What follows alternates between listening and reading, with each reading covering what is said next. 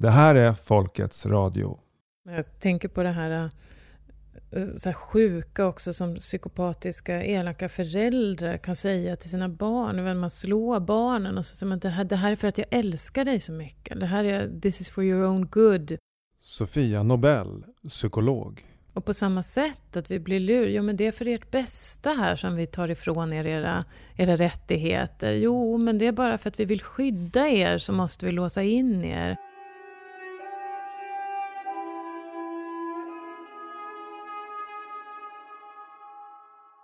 De här markeringarna på, på marken. Stå här och två meter hit och sen en skylt där. Tänk på det, tvätta händerna, gör så. Jag tänker att vi ska tränas till lydnad. Vi ska tränas på att alltid vara uppmärksamma på att här finns det någon regel. När, ska jag göra rätt? Gör jag fel? Får jag stå? Får jag sitta? Vad är det som gäller egentligen? På krogar och res restauranger så införs ett krav på sittande servering och en meters avstånd mellan, eh, mellan sällskapen.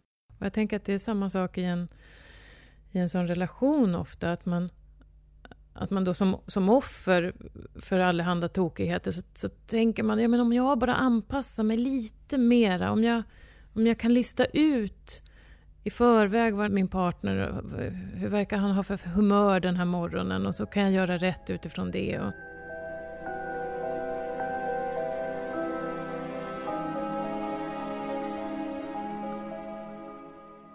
Jag tror nog att har man, har man upplevt en sån relation, då har man en, en större förståelse för vad som faktiskt har hänt i vårt samhälle nu under eh, speciellt pandemin.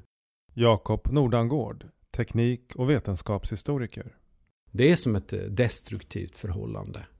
Där det är någon som testar gränser och, och, eh, och också egentligen plågar sitt offer. Som sen ska vara tacksam för när, när eh, man slutar bli slagen. Det, det är lite, ja, vad glad du är nu. Nu slår jag dig inte längre. Nu är datum satt för den svenska frihetsdagen. Från onsdag den 9 februari så får salongerna fyllas och dansen pågå fram till morgontimmarna. Det handlar ju om vad lämnar man kvar eh, efter att man då har, har lyft de här restriktionerna. För att det är någonting som har hänt. Det är inte samma samhälle som fanns i början av 2020 som vi har nu. Utan, och det tror jag inte människor tänker riktigt på. Utan de upplever ju naturligtvis att eh, vi är nu fria. För att det, de jämför ju med det som vi har haft de eh, senaste månaderna. För att vi, vi har inte det riktiga perspektivet. Eh, vi kommer inte riktigt ihåg hur det var längre. Och, och, och, och, på den här resan har vi börjat acceptera vissa saker som vi inte hade gjort innan. Det här programmet ska handla om livet i en destruktiv relation. Om det framväxande globala kontrollsamhället. Och om deras roller idag.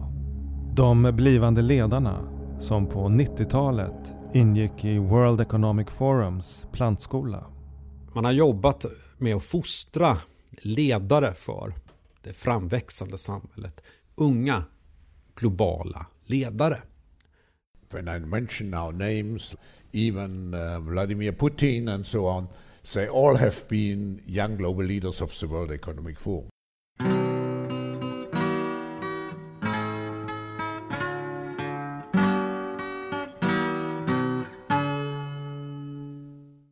Men kraven kom alltså redan från början och det kunde vara att eh, åker du inte hem från den kompisen nu så gör jag slut.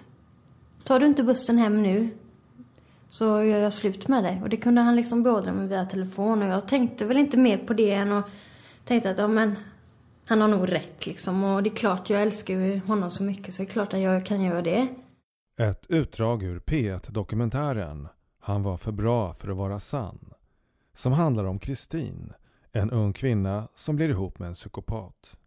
Ett fantastiskt program, men smärtsamt att lyssna på. Och sen vet jag också att det första slaget kom rätt så tidigt, redan när vi hade varit ihop kanske två månader eller något sånt där.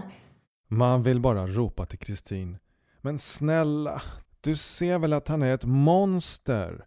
Lämna honom omedelbart. Men som så ofta händer stannar offret kvar i den destruktiva relationen alldeles för länge och får betala ett högt pris.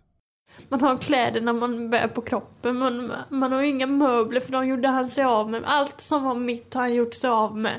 Så han har verkligen satt den i, i beroendeställning på alla plan. Man har ju ingenting och man har ju misslyckats. Och det känns ju så fruktansvärt för man har inga vänner kvar, man har ingen släkt, man har ingenting.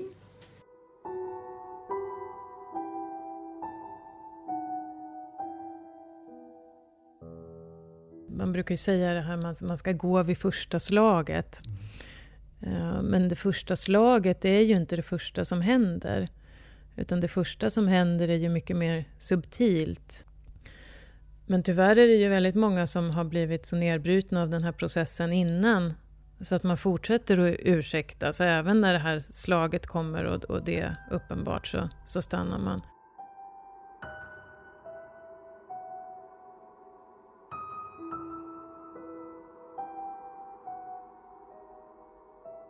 Jag tänker också liksom själva, själva grunden, att man, att, man, att man stannar i relationen. Ja, men är det så illa är det bara att gå. Men om man liksom år in och år ut har blivit mm, hjärntvättad lite grann, om man har blivit nerbruten och fått lära sig ganska systematiskt och inte lita på sig själv, inte lita på sin kompetens, att man inte är så mycket värd liksom resultatet av det blir ju inte handlingskraft och liksom, nej nu ska jag stå på egna ben här och skapa mig något bättre. Utan alla de där orden man har fått höra har ju liksom flyttat in och blivit till ens inre sanning. Man kanske är ganska värdelös och man kan inte så mycket och det är ingen annan som vill ha mig. Och det där valet, valet att gå, det är ju inte, det är ju inte så enkelt. Kanske har även vi stannat alldeles för länge i en destruktiv relation. Låt oss för resonemangets skull kalla vår partner för Trollkaren. Under de gångna två åren har media närmast hypnotiserat oss med sin konstanta rapportering om hans ena hand. Men vad har trollkaren haft för sig med sin andra hand? So what they've been doing since the uh, beginning of 2020 is they're taking down the system very deliberately and they want to establish a new system. Den tyske ekonomijournalisten Ernst Wolf, här intervjuad i podcasten Guns and Butter. Precis som Jakob Nordangård gör i sin bok Den globala statskuppen driver Wolf tesen att det som skett under pandemin måste ses i ett större sammanhang som har väldigt lite att göra med folkhälsa. They know that this system that we're living under right now, that this system is broken and it will never be repaired. Eliterna genomför en medveten demolering av det ekonomiska system de sedan länge vetat är förstört efter upprepade finansiella kriser. So from now on they can only print more money and that, that's what they've been doing like crazy during the past uh, um, year and a half. För att fullborda sin takedown av världsekonomin har de skapat astronomiska mängder pengar och infört lockdowns som slår ut näringslivet för medel och arbetarklassen. Detta skapar en förödande inflation. And that means a total devaluation of all currencies and of course that will hit the middle class and the, the, the working class much more than the big corporations. Den kalkylerade följden, enligt Wolf, blir ekonomiskt kaos, samhällens kollaps, kanske inbördeskrig. Och då, när mänskligheten befinner sig i chocktillstånd och de nationella regeringarna åtnjuter noll förtroende kommer den globala eliten att presentera en lösning som folk annars aldrig skulle accepterat. So, so what they're doing now is they're taking down the system and they're creating big, a big havoc so that in the end they can come uh, to the rescue of the people by implementing a system of uh, universal basic income. Digital valuta och en futtig basinkomst för lydiga medborgare. Ett teknokratiskt kontrollsamhälle. That is total control of the population.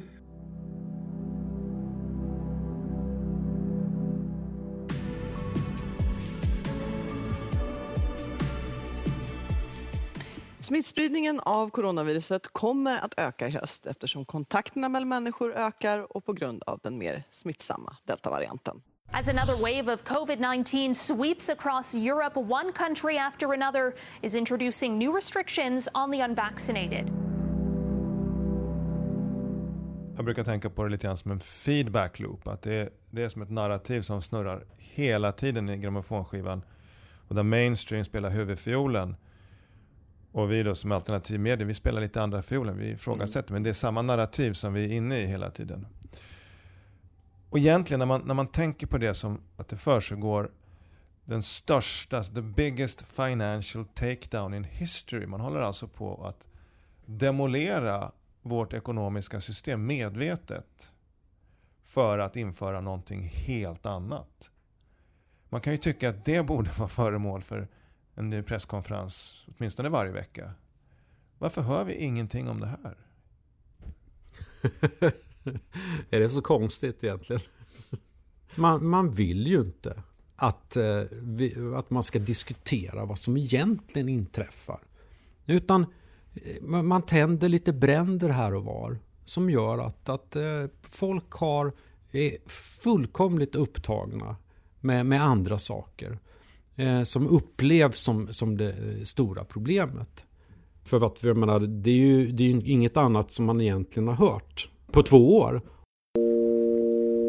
Mm, det här meddelade Folkhälsomyndigheten igår på sin presskonferens och la fram tre tänkbara scenarier för hösten. I alla tre så kommer smittan att öka. Men i slutet av februari finns tecken på att hela narrativet håller på att krackelera. Allt fler frågetecken hopar sig. Oavsett vad man väljer att kritiskt granska, vaccinernas effektivitet och säkerhet, tillförlitligheten i covid-statistiken, det verkliga syftet med vaccinpassen, graden av transparens i frågor som gäller folks hälsa. Vilken sten man än vänder på ser man mycket som inte stämmer. Men vi har haft ett ganska högfungerande samhälle ändå under lång tid.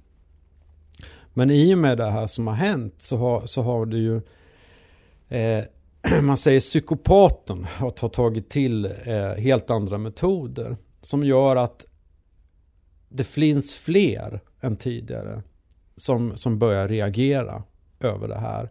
Man har tagit i så mycket så att man har samtidigt släppt lös krafter som man egentligen inte kan rå på. En som tagit i väldigt hårt är Kanadas premiärminister Justin Trudeau. Efter några av de längsta nedstängningarna i världen börjar landet alltmer likna en dystopisk kontrollstat. En massiv protestvåg inleds när en stor konvoj med lastbilar anländer till huvudstaden Ottawa. Chaufförerna säger att de ska stanna tills alla tvångsåtgärder lyfts och alla kanadensare åter är fria. Det jag har sett från dem, den här viljan att ena människor, att komma samman, att göra saker ihop som samhälle och att, att tillsammans arbeta för en bättre framtid, det har varit en oerhört positiv och väldigt rörande upplevelse. Svenska Emma Lindblad med i Folkets Radio via videolänk. Um, och det tycker jag man ska låta sig inspireras av runt om i världen. För det har de gjort väldigt bra.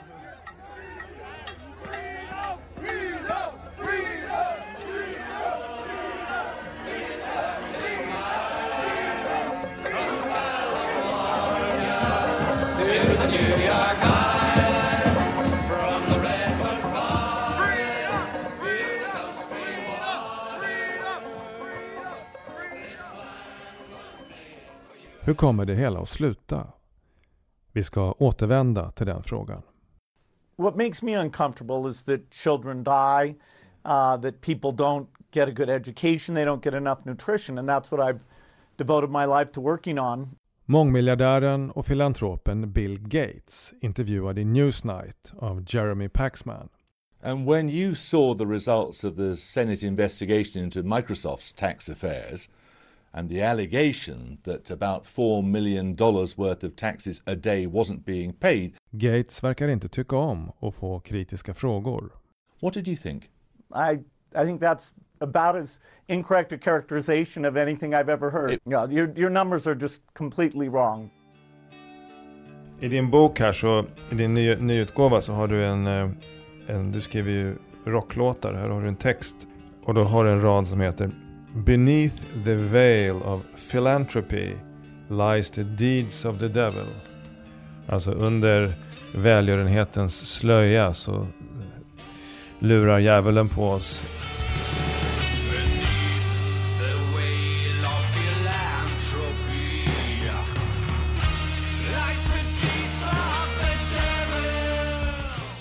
Det är också någonting som du skriver mycket om i din bok. Bill Gates är ju ett centralt namn där. Ja. Vad är det som är så lömskt med filantropi? Ja men det är ju så här att, och det är väl lite Machiavelli över det va. Eh, djävulen kommer ju inte eh, klädd som, ja, ser inte ut som djävulen utan han kommer som en ängel va. Det hände någonting som heter Ludlow-massakern eh, 1914 när ett eh, Rockefeller-kontrollerat eh, bolag eh, skulle kväsa en, en strejk och de sänder in sina egna trupper med gevär som skjuter. Och det är kvinnor och barn som dör i det här och de blev naturligtvis otroligt hatade i allmänhetens ögon. Och det här gjorde att man var tvungen att eh, omforma bilden av dem till att bli välgörare. Och det är ju det är som varje duktig psykopat. Att, att man, man lägger ju beslag på godheten. Man lägger beslag, man utlovar att man ska göra gott för andra.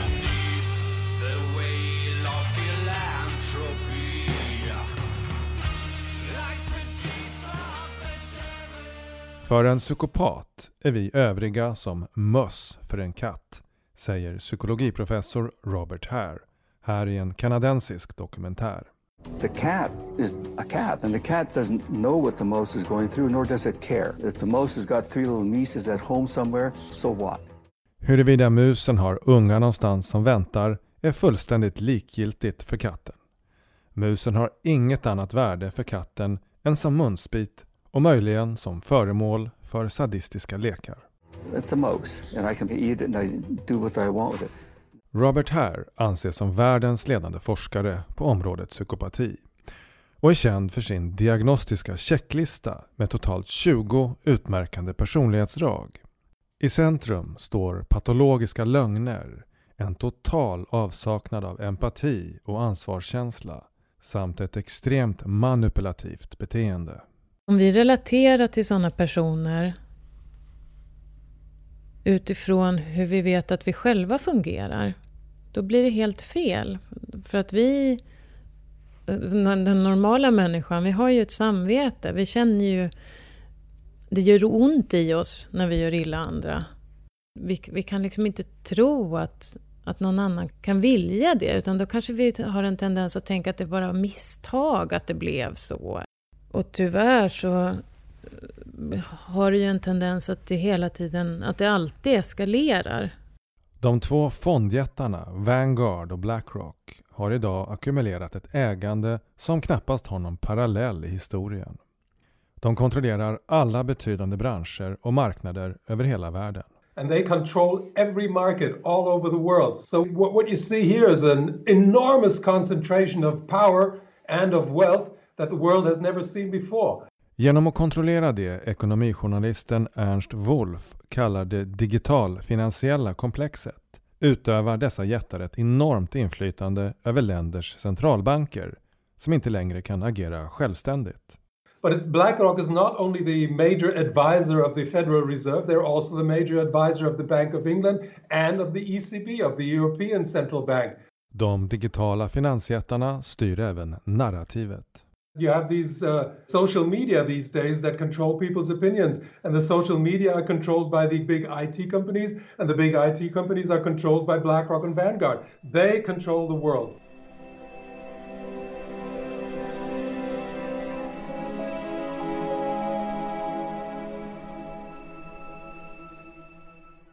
Men de två jättarna då som, som dominerar över alla andra idag, det är ju Blackrock och Vanguard.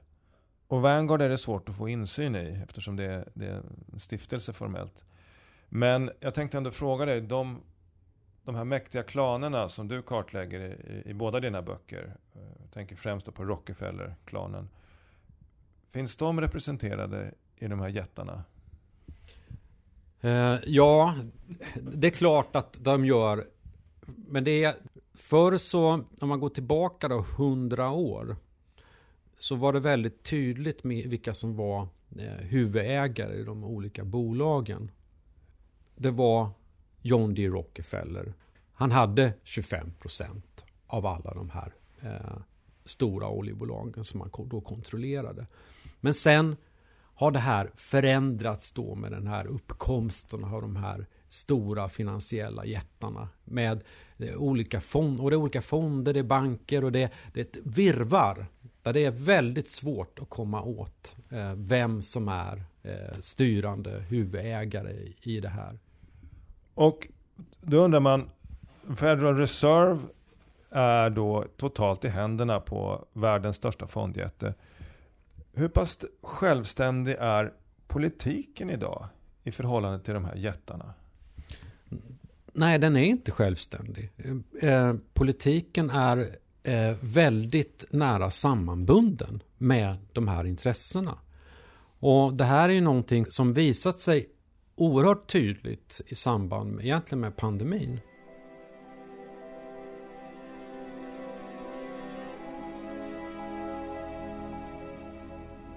USAs högsta domstol stoppade nyligen president Bidens förslag om att kräva att anställda på alla stora företag antingen måste vaccinera sig eller genomgå tester varje vecka. De flesta stora bolag som ändå kräver detta av sina anställda har en sak gemensamt. De ägs av Blackrock eller Vanguard, som också är de största ägarna av vaccintillverkarna Pfizer, Moderna och Johnson Johnson. Blackrock och Vanguard tjänar inte bara astronomiska pengar på vaccinförsäljning. De äger också de teknikbolag som utvecklar vaccinpass och digitala plånböcker.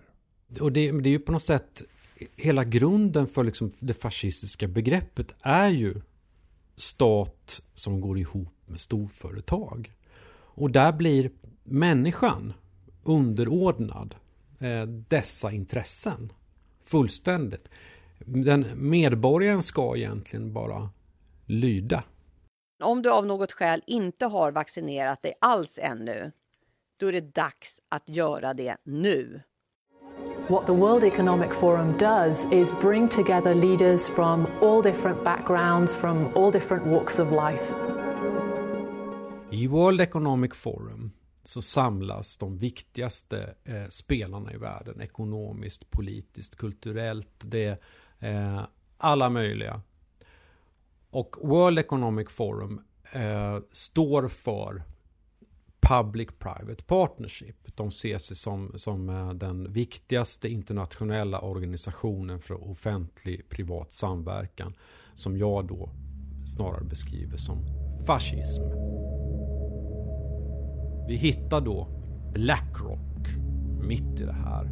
Vi hittar de stora finansiella eh, institutionerna och de stora företagen i World Economic Forum. Det är ett epicentrum man har jobbat med att fostra ledare för det framväxande samhället. Och också egentligen ledare för samhället som man ska krascha. 1992 startade World Economic Forum och ordföranden Klaus Schwab ett program som kom att heta Young Global Leaders och som har utbildat en mängd av dagens ledande politiker och affärsmagnater. So in Argentina and uh, it's so in France now. Mm -hmm. I'm with the president. World Economic Forum har då egentligen då fostrat 3000 unga globala ledare.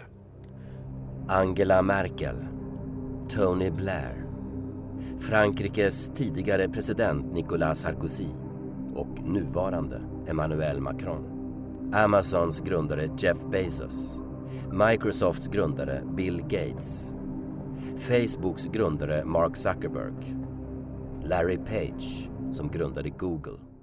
Bland de framtida ledarna som har skolats av World Economic Forum finns även ledande kulturprofiler, publicister och så kallade fact-checkers.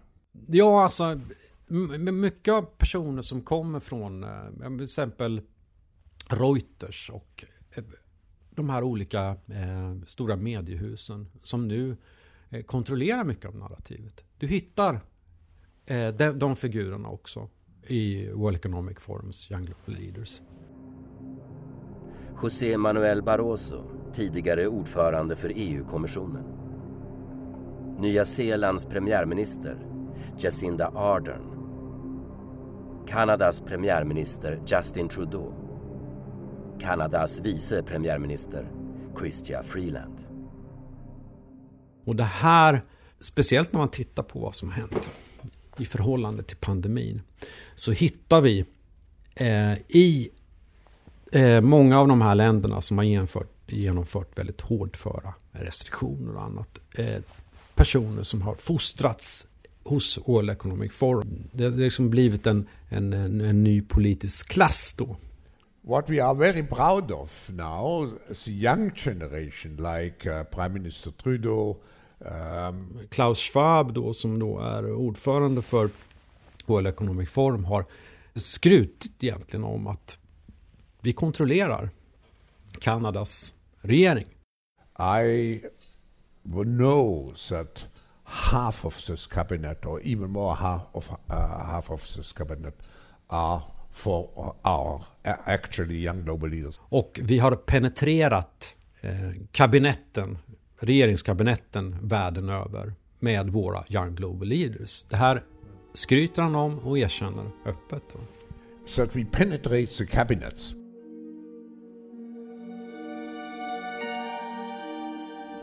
De här ledarna, de eh, umgås, de pratar med varandra. Det är samma typ av tänk. Och vi har på något sätt fostrat liksom en sån kultur.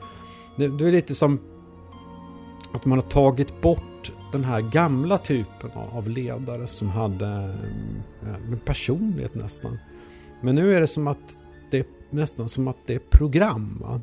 Och mina och Socialdemokraternas ingångar är ju väl kända.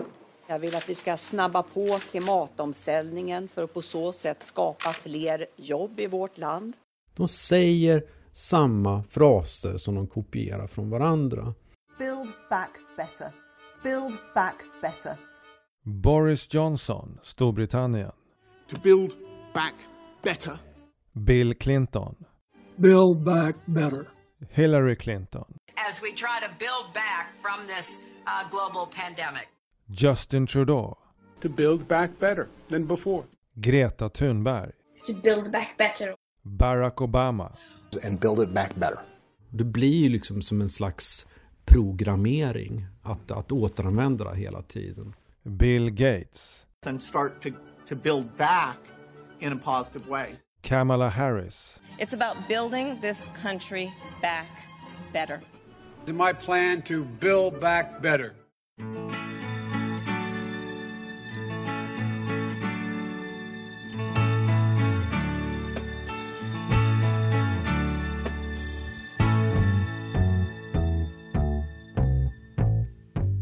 Sen kanske det också kan vara så att vissa sådana här förövare eh, är ganska måna om att förklara för offret i relationen att du kommer aldrig hitta någon eh, som är bättre än mig eller det vi har kommer, kommer du aldrig få uppleva igen. Eller, det kan man ju behöva väldigt mycket hjälp i terapi eller från och, eh, liksom, ja, stöd på olika sätt framförallt att börja se verkligheten för vad det är. Att börja se att, att man är ett offer. Att någon faktiskt har brytit ner en och att någon beter sig illa.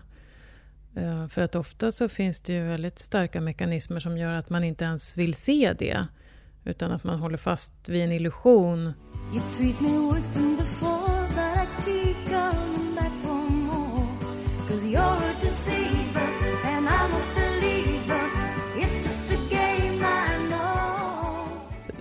Det här är mitt livs kärlek eller ja, vi har det ju bra egentligen, det är lite problem, men det verkar ligga, ligga för oss på något sätt att vi gärna vill eh, försvara olika illusioner som vi har.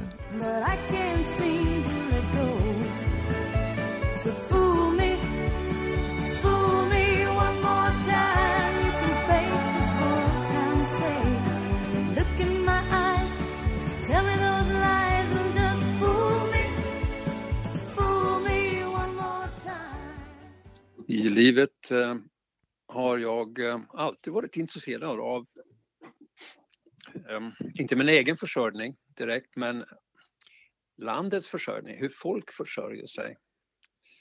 Men det började med att jag blev intresserad som tonåring av eh, växtodling och sånt. Så rätt tidigt så tänkte jag bli lantbrukare.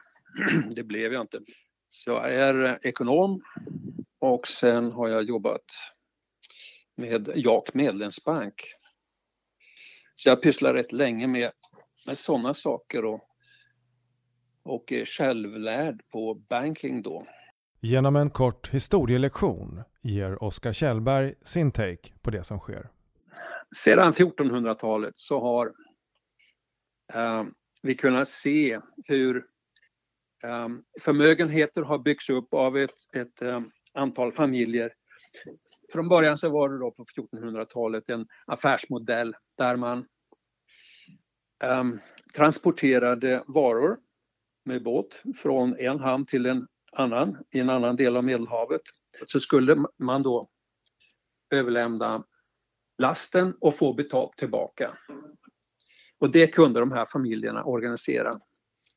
Och det här um, var så lönsamt att man uh, Eh, Eh, fick en ekonomisk tillväxt som till stora delar föll i händerna på de här familjerna som kunde driva den här affärsmodellen. Det höll på i 200 år och sen så lyckades holländarna bygga upp en liknande men mer omfattande och mer modern variant av den modellen.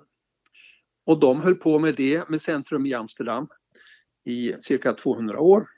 Och sen så kom britterna och hade en en ännu bättre modell.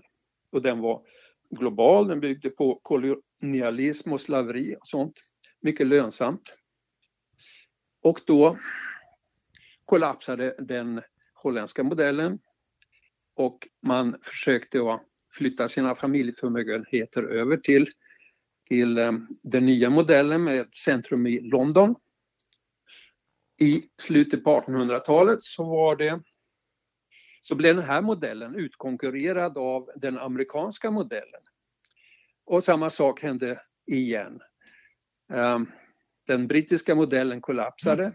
Man försökte rädda sina förmögenheter genom att likvidera innan alla andra och investera i USA istället. Nu så inser man att vi börjar nå tillväxtens ände och då funkar inte det här amerikanska modellen som bygger på en ständig tillväxt och finansiering med eh, bankkrediter. Därför att den finansieringen förutsätter ekonomisk tillväxt. Alltså måste vi ha någon ny slags affärsmodell för den finansiella eliten. Vi vet inte vad det är, men vi ser vad de investerar i. De investerar i digitalisering av allting och att ta kontroll över naturresurser Ehm, att få ehm, befolkningarna att flytta till storstäder och megastäder. Och för det här, att få det här att fungera när eh, de fossila energiresurserna börjar minska, vilket de ser ut att göra nu, att vi är vid en sån vändpunkt. Det förutsätter ju, kanske ur deras perspektiv, att man tar kontroll över inte bara naturresurserna och eh, infrastrukturen utan också över människorna så man har kontroll över hur folk beter sig.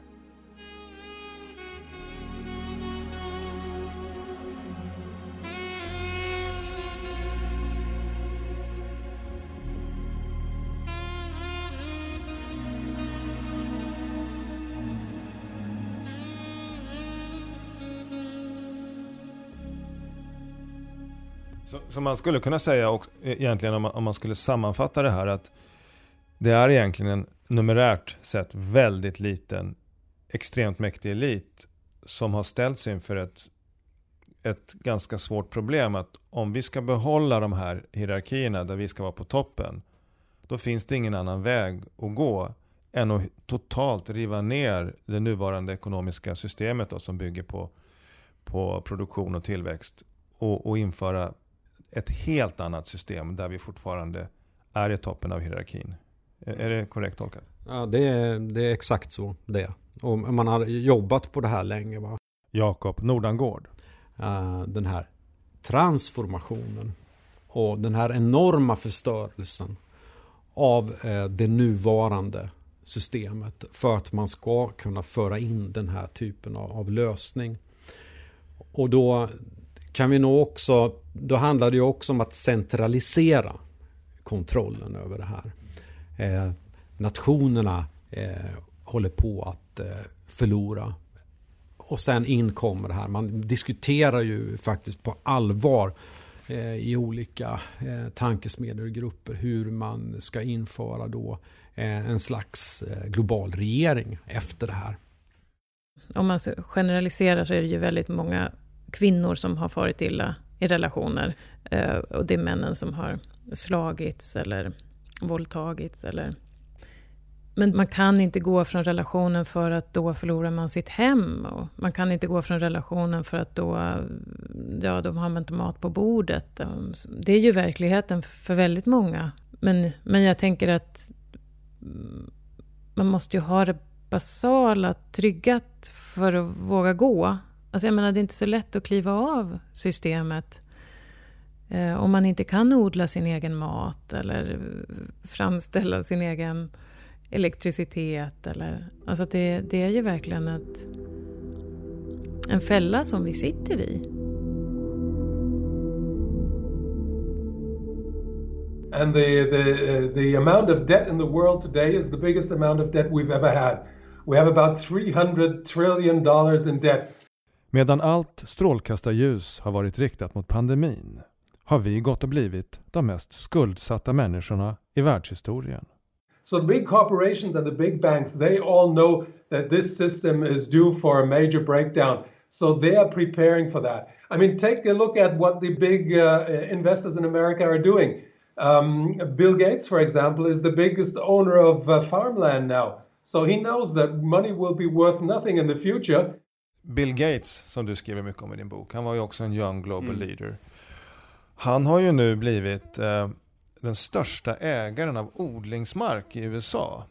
Ja, jo men det är det. Det här är ju, eh, de är ju medvetna om att, ja, pengar, det är liksom ett, det fiktiva värden. Det är någonting som kan tas ifrån oss på en sekund.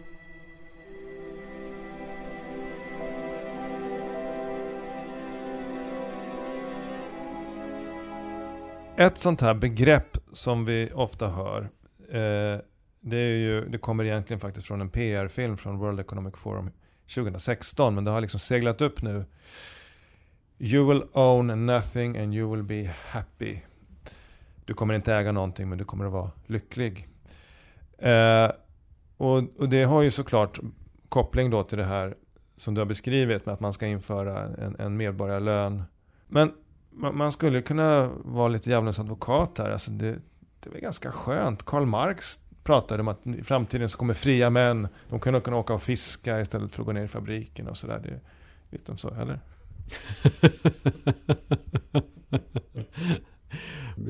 man beskriver det som att vi ska leva i någon, någon lycklig bubbla där vi kan göra vad vi vill. Men man pratar ju också samtidigt om att eh, en, en hållbar befolkning, vad är det? Alltså de, de stor, stora frågorna som har, som har varit i samband också med, med eh, en hållbar utveckling, klimatfrågan, eh, det här med resurser. Det är att, att vi är alldeles för, för många människor på, på planeten nu för att det här ska vara hanterligt. Och, och man brukar diskutera då att vad är en hållbar nivå på världens befolkning?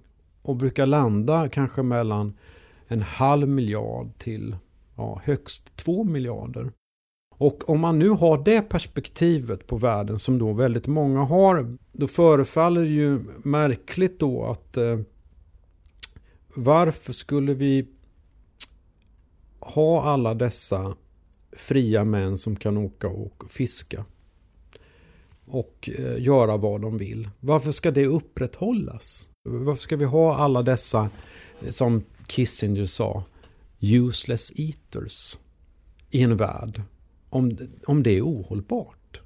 Hela den här eh, samhället som föds fram, det innebär ju också att, att man går från en fysisk tillvaro, en fysisk Eh, där, vi, där människor har faktiskt ett, ett värde i sig med vad vi faktiskt presterar till, till en digital tillvaro där vi inte längre är förankrade i, i verkligheten. Och vi tillför egentligen ingenting av värde. Så vad är meningen? Eh, och, och, finns det då någon anledning för dem då som eh, konstruerat det här eh, nya narrativet att ha oss kvar? Det är kanske dags att vi ställer oss frågan vem vi försöker lura. Tror vi på fullaste allvar att de som utövar makten i världen har tänkt överlåta våra jobb och dagliga sysslor åt robotar men låta oss och våra barn och barnbarn leva och frodas utan att arbeta? Det är ju så om man, om man, bör, om man, om man ska glänta på den dörren och börja tänka min partner kanske är en psykopat.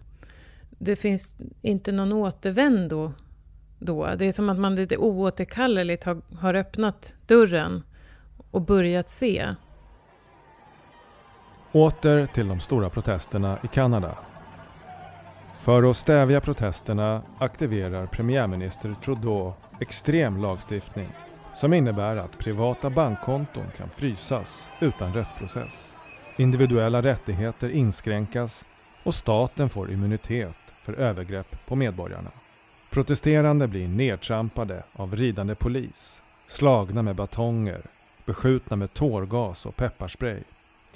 Men trots den stenhårda repressionen och trots massmediers försök att framställa missnöjet som högerextremt växer de folkliga protesterna.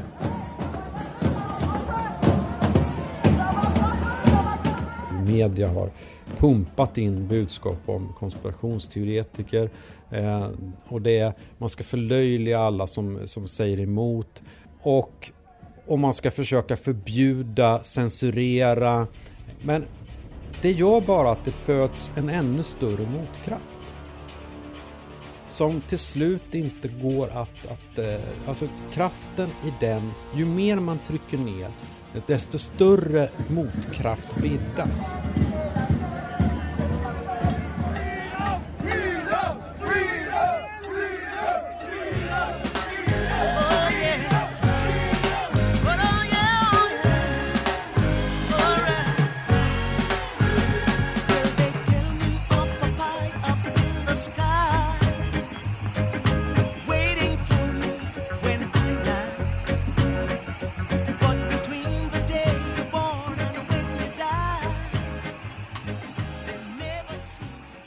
Kan rikta våran ilska på ett konstruktivt sätt eh, tillsammans. Folket reser sig, kraften i folket. Men vi har fått nog, vi är inte med på det här längre. Vi vägrar ta på oss skulden för det här. Det är inte vårt fel. Eh, det, det är ju någonting otroligt kraftfullt och befriande.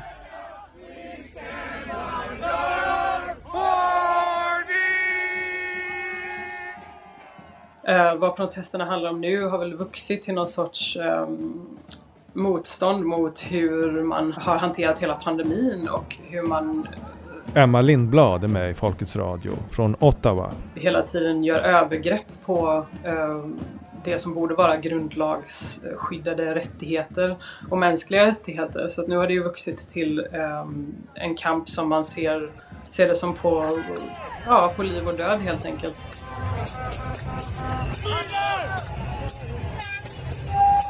Protesterna börjar även sprida sig till andra länder. En del börjar hoppas att Kanada ska bli den första dominobrickan att falla.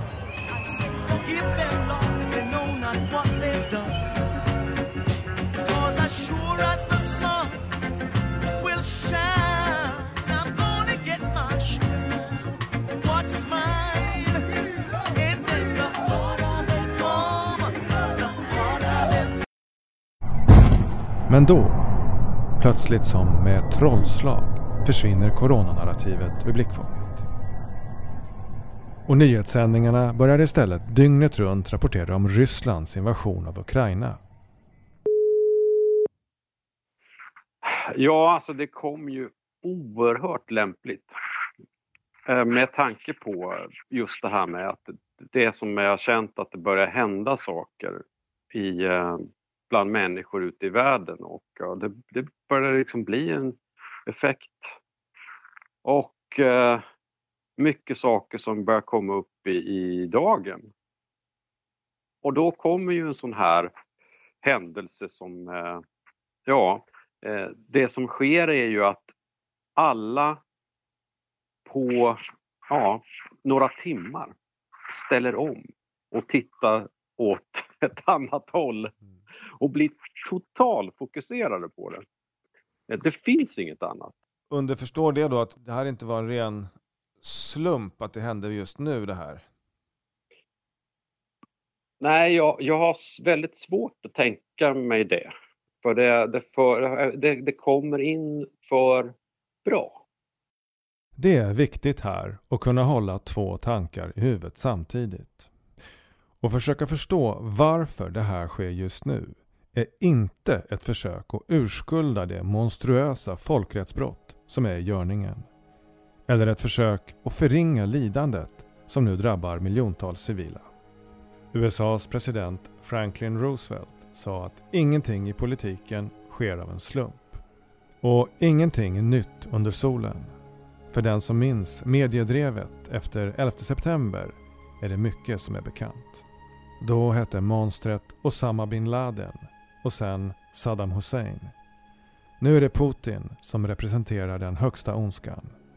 Om bara han skulle försvinna så skulle allt bli så mycket bättre. Men frågan att ställa sig är var går egentligen den verkliga konfliktlinjen mellan en despot som Putin och en mjukistyrann som Trudeau? Har de några olikheter i synen på yttrandefrihet, på rätten att protestera på rätten att bestämma över sin egen kropp? Uppenbarligen inte. Och när det gäller det långsiktiga målet som vi har beskrivit i det här programmet och införa en global digital valuta har Putins Ryssland visat tecken på någon annan färdriktning än Trudeaus Kanada, Macrons Frankrike eller Arderns Nya Zeeland? Har de några olikheter i synen på den globala agenda som beskrivs av den brittiske författaren och aktivisten Majid Nawaz, som här gästar Joe Rogan. The vaccine passport infrastructure is in place. But now we know that the vaccine doesn't stop infection or transmission, but the checkpoint Charlie exists everywhere. They bring in digital banking, central banking digital currencies. You've got a scenario now that you're checking in and out everywhere you go using vouchers that are programmed and you can only spend where you're told you can spend them. There's another word for that, man. That's called the Chinese social credit system. So, what they are telling us, and when I say they, who's they? People in power. That's the head of our economy, the Chancellor of the Exchequer. He's telling us that's what he, as the UK, the head of the G7, want to bring in for the G7. So, a scenario where, like in New York at the moment, because the, the passport infrastructure is in place, you bring in that digital currency, suddenly I can't actually pay to come here and speak to you anymore. My, my digital currency won't even pay for the ticket because it will be known that I'm coming to speak to you. Sorry, Vi kommer med införandet av den digitala kontrollen enbart kunna använda våra pengar till sånt som makten tillåter. I Kanada har vi redan sett en försmak av detta när Trudeau lät frysa tillgångarna för människor som deltog i protesterna. När det gäller den långsiktiga färdplanen mot ett digitalt tyranni finns inga meningsskiljaktigheter. When I mention our names like Merkel, um, even uh, Vladimir Putin and so on, det hade ju varit intressant att få vara en fluga på väggen under de där Young Global Leaders-programmen vid World Economic Forum på 90-talet. Den långsiktiga agendan är uppenbarligen detsamma hos de ledare som fostrades där. Men de kanske fick lite olika roller. Мною принято решение о проведении специальной военной операции. Putin tycks ha fått rollen som skurk. Den projektionsyta massmedia kan använda för folks hat och rädslor. Låt vara att en annan Young Global Leader, Tony Blair, idag har minst lika mycket blod på sina fingrar. Han fick en annan roll att spela och därför framställs han också annorlunda i massmedia. People's disease status, for example, have they been tested? What is the result of that test? And have they had the disease? Do they have the disease? I think unless you're able to record some of this data, it's going to be difficult to, to go back to anything like a, a, a near normal. Miljontals förstörda irakiska liv verkar som bortblåsta. Tony Blair är den respektable gentlemannen som ödmjukast framhåller att det digitala kontrollsystemet är vår naturliga evolution. It's a natural evolution of the way that we're going to use technology in any event to transact daily life. Och den stundande och förödande ekonomiska krisen som eliterna vet är oundviklig kommer den också skyllas på kriget i Ukraina. Krig, skriver den undersökande journalisten Brandon Smith i en färsk artikel, är alltid en distraktion från ekonomiskt sabotage. Även om den stora kraschen sedan länge planerats av centralbankerna och de ekonomiska eliterna kommer de själva att slippa få skulden eftersom det kommer finnas en internationell konflikt att skylla på. Slutcitat. Och, och därmed så, ja, så har man styrt debatten åt ett annat håll och alla eh, pratar bara om det. Men, men skillnaden från förr, det är väl att ja, det har kommit fram så mycket. Så att vi har väldigt många som har fått upp ögonen och eh, som kanske inte lik, så lätt låter sig luras in igen.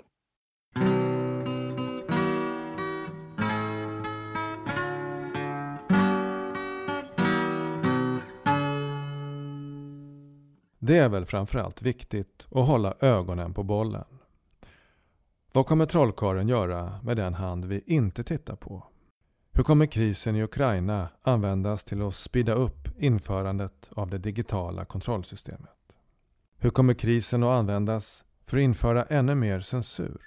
Man har redan förbjudit ryska RT, som alltså inte längre går att nå från en västerländsk server. Vilka medier kommer man förbjuda härnäst? En sak är säker. Om det digitala sociala kreditsystem som är i pipeline införs och våra barn och barnbarn för alltid blir berövade sin frihet så kommer de knappast att bry sig vilka distraktioner vi var upptagna med. De kommer undra hur vi kunde låta det ske. Varför vi stannade så länge med en destruktiv partner. Efteråt brukar man ju kunna se tillbaka och, och se allt det där som man var blind för i relationen. När man inte är i den här äh, hjärntvätten eller rädslan som man ofta försätts i. Man går runt i rädd hela tiden. Vilket gör att man inte kan tänka klart heller. Äh, så när man väl har klivit ur det, då kan man ju börja se tillbaka och se, ja men det där var ju helt galet. Eller gud, gjorde han så? Alltså, och tillät jag det? Hur är det möjligt? Och så, hur kunde jag ursäkta det där? Och, så, men jag har ju inte hört någon som, som önskar att de var tillbaka. Liksom. Och, och, och även, även om det sker till liksom priset av praktiska och ekonomiska liksom, privilegier som man har haft som hörde till relationen så, så är ju den personliga liksom, friheten, att vara fri från förtryck, det är ju ja, värt mycket, mycket mer än allt.